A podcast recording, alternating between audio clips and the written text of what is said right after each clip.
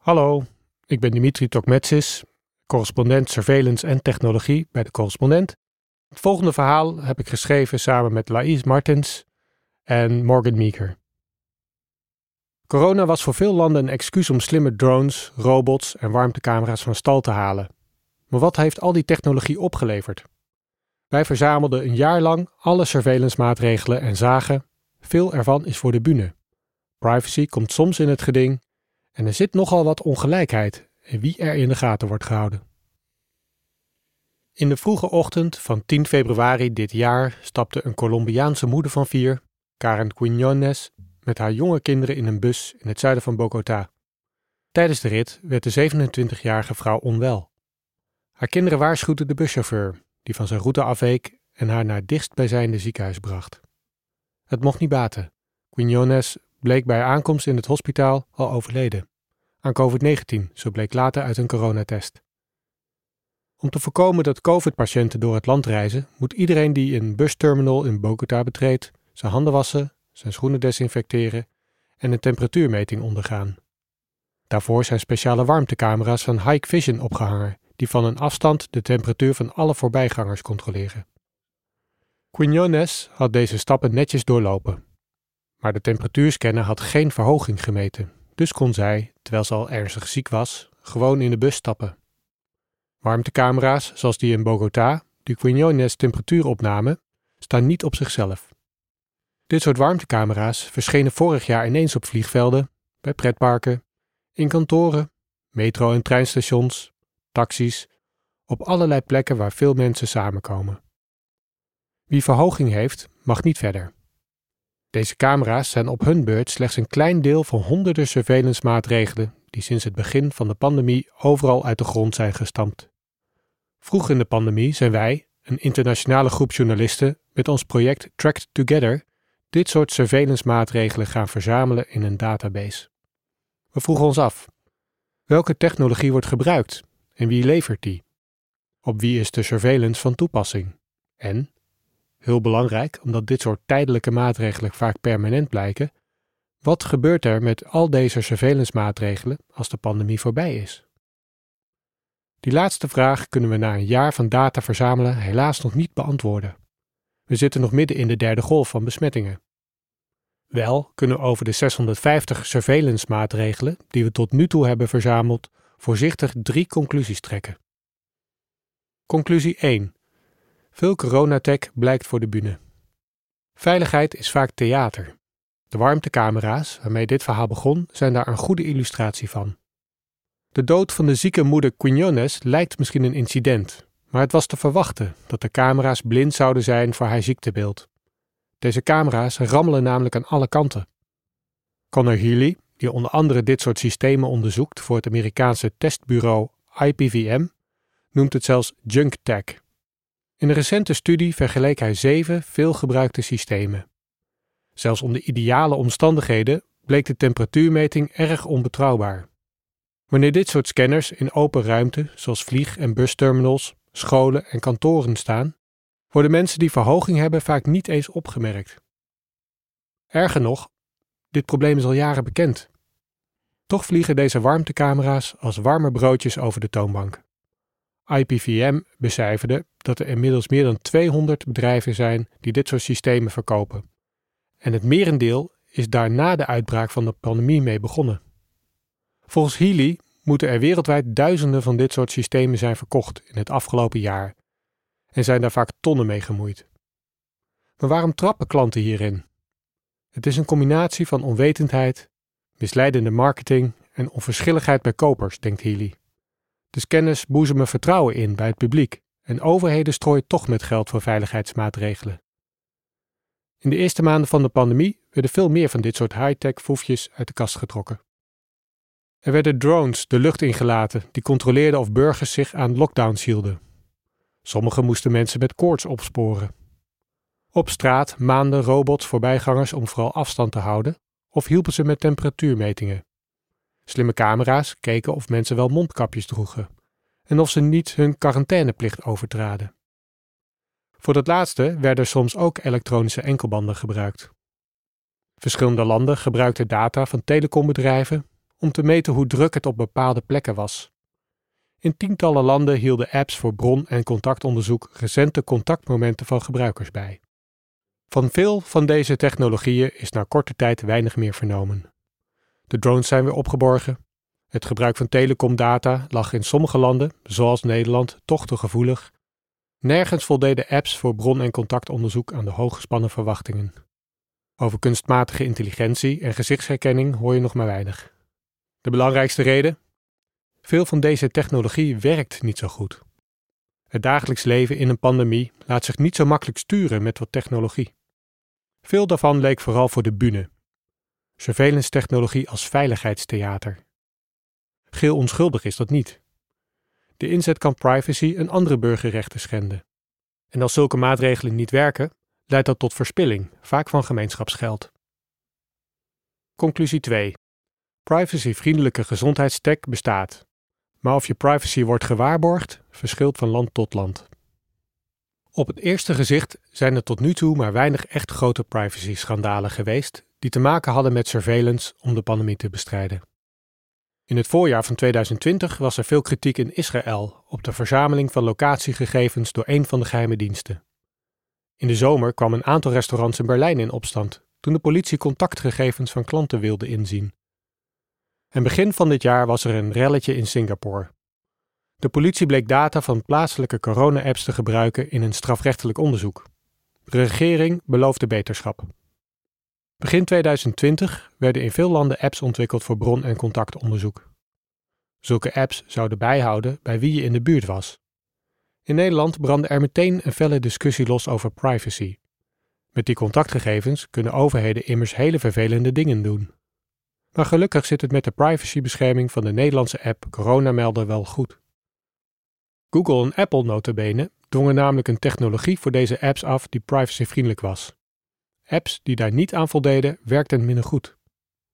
Dit onderstreept hoe groot de macht van deze techgiganten is, zelfs als het om zoiets belangrijks gaat als de bestrijding van een pandemie. Enkele landen, zoals Singapore en Frankrijk, hielden het bij een minder privacyvriendelijke app, maar die werden uiteindelijk door te weinig mensen gebruikt om effectief te zijn. Zoveel mogelijk privacybescherming lijkt natuurlijk nobel, maar de aanpak van Google en Apple legde wel erg veel beperkingen op. Gezondheidsautoriteiten hadden daardoor veel minder informatie tot hun beschikking dan nodig was om deze tech effectief in te zetten als hulpmiddel om de pandemie te bestrijden. Deze apps zullen na de pandemie vermoedelijk weer verdwijnen. Dat geldt waarschijnlijk niet voor andere technologie, zeker in autocratische landen. In China, Bahrein en Qatar krijgen burgers via een app een gezondheidsscore die ze verplicht moeten kunnen laten zien. In China wordt die door zeker 900 miljoen mensen gebruikt. Bij een groene score mag je min of meer vrij reizen. Bij andere kleuren, zoals rood, oranje of geel, zijn beperkingen van kracht. Dan mag je niet verder of moet je in quarantaine. Hoe de score precies tot stand komt, blijft mysterieus. Maar het is vermoedelijk een combinatie van locatiegeschiedenis van de telefoon, fysieke klachten die de gebruiker zelf doorgeeft en transacties. Als iemand bijvoorbeeld in een gebied met veel uitbraak is geweest en hoestsiroop heeft gekocht, zou die een rode score kunnen krijgen en dus thuis moeten blijven. Of dit systeem wordt afgeschaald als de pandemie is weggeëpt, valt nog maar te bezien. Het Chinese systeem lijkt op een ander systeem in aanbouw, waarin iedere Chinese burger een sociale kredietscore krijgt. Afhankelijk van gedrag krijgen ze bepaalde privileges. Het is goed voorstelbaar dat deze systemen in elkaar worden geschoven. Wat dat betreft dient ook Zuid-Korea als waarschuwing. Daar werd tijdens de pandemie op grote schaal gebruik gemaakt van telecomdata, bijvoorbeeld om mogelijk besmette burgers op te sporen. De regering kon snel handelen omdat zo'n systeem al bestond. Al tijdens de MERS-uitbraak van 2015 heeft Korea Telecom dat gebouwd, met de uitdrukkelijke belofte dat dit een tijdelijk systeem zou zijn. Maar na de MERS-crisis heeft het bedrijf het systeem uitgebreid en de technologie ook aan andere landen gegeven. Het bedrijf wil hiermee de markt voor gezondheidsdata aanboren. Telecombedrijven verzamelen veel nuttige data die geld kunnen opleveren. Er is dus niet alleen een epidemiologische motivatie, maar inmiddels ook een commerciële prikkel om ermee door te gaan. Aan de ene kant is het natuurlijk handig dat de Zuid-Koreaanse regering zo snel beschikking had over data. Aan de andere kant toont dit voorbeeld aan hoe surveillance kan blijven voortbestaan als de directe dreiging is verdwenen. Conclusie 3. De lasten van surveillance zijn oneerlijk verdeeld. Hoewel iedereen door de pandemie wordt geraakt, zijn de gevolgen niet gelijk verdeeld. Dat geldt ook voor wie surveillance moet ondergaan. De armen hebben meer te dulden, maar ook studenten. We gaan daarvoor eerst terug naar Colombia. Bewoners van Medellin konden aan het begin van de pandemie aanspraak maken op een noodhulpprogramma, bestaande uit voedsel en contante betalingen. Daarvoor moesten ze Medellin Meguida gebruiken, een door het stadsbestuur opgezet webplatform. Deelnemers moesten daar ook COVID-symptomen of chronische ziekten en andere gezondheidsinformatie, zoals hun gewicht, melden. Het platform werd gehost door een staatsbedrijf, IPM. Citaat. Dit bedrijf verbond de gegevens van mensen die zich registreerden in de app met hun eigen gegevens, zodat ze zouden weten waar ze woonden en wie ze samenwoonden, zegt directeur Carolina Botero van mensenrechtenorganisatie Fondation Charisma in een telefoongesprek. Sommige inwoners melden bijvoorbeeld dat ze na aanmelding op het platform ineens rekeningen van de stedelijke belastingdienst kregen. De informatie was voor noodhulp aan een sterk verarmde bevolking bedoeld, maar werd meteen voor andere doeleinden gebruikt, waardoor de hulpbehoevenden er per saldo niets mee opschoten. In veel landen eiste de opkomst van technologische oplossingen tijdens de pandemie een zware tol van studenten. Veel onderwijsinstellingen, ook in Nederland, gebruiken proctoring, surveillance met behulp van software die fraude bij tentamens moet voorkomen. De methoden verschillen. Soms wordt in de gaten gehouden wat een student op zijn computer doet tijdens het tentamen en worden bepaalde websites geblokkeerd. Soms moeten studenten met een camera de ruimte in beeld brengen waar ze het tentamen afnemen, meestal hun kamer. Er zijn camerasystemen die de oogbewegingen van studenten in de gaten houden. En soms kijkt er live iemand mee op zoek naar verdacht gedrag. Over de hele wereld uiten studenten hun bezorgdheid over zulke surveillance systemen. Allereerst omwille van hun privacy. Maar mensen van kleur wezen ook op raciale vooroordelen in de software. Ze kregen bijvoorbeeld te horen dat ze het licht in hun kamer moesten verhogen, terwijl ze zich in een volledig verlichte kamer bevonden. Eerder deze maand ontdekte student Akash Satisan, student in Miami, Verenigde Staten, bij bestudering van de code dat Proctorio, een van deze systemen, in meer dan de helft van de gevallen zwarte gezichten niet herkent. Maar bijna een jaar na de pandemie gebruiken universiteiten nog steeds dit soort surveillance. Voor zijn tentamens in januari moest Devam Gada, een bachelorstudent bedrijfskunde in Mumbai, India, proctoring accepteren. De universiteit gaf geen mogelijkheid om de surveillance te weigeren en bood geen alternatieven aan. Voor vrouwelijke studenten werd de last volgens hem heel zwaar. Veel van de mannelijke surveillanten begonnen naar meisjes te kijken die aan de examens deelnamen. Ze gebruikten de gegevens op de identiteitskaart, zoals naam en geboortedatum, om hen te stalken. Veel van deze surveillanten stuurden hen zelfs sms'jes, zegt hij. Hoe nu verder? Dit is natuurlijk nog maar een voorzichtige verkenning. We zien dat er in haast alle landen stevig is ingezet op surveillance technologie om de pandemie onder controle te krijgen. We zien ook overal de beperkingen en hier en daar de nadelige gevolgen daarvan. Van het aanvankelijke optimisme over technologie als snelle oplossing is niet veel meer over. Zoals de warmtekamers aantonen, technologie werkt vaak alleen in heel specifieke en goed controleerbare omstandigheden. Drones, robots, kunstmatige intelligentie, apps voor bron- en contactonderzoek, elektronische armbanden, ze moeten vertrouwen inboezemen, daadkracht uitstralen. Maar daar blijft het vaak bij. Theater. Het gevolg van de inzet van deze high-tech snufjes is wel dat het vertrouwen meteen al een flinke knauw krijgt. Aan het begin van de pandemie werd er door deskundigen, activisten en politici gewaarschuwd voor grote privacy-schendingen. In meer democratische landen zijn die angstbeelden vooralsnog geen werkelijkheid geworden. Sterker nog, in sommige gevallen, zoals bij de apps voor bron- en contactonderzoek, zijn we wellicht wat doorgeschoten in de privacybescherming. Dat neemt niet weg dat er wel voorzichtigheid geboden is.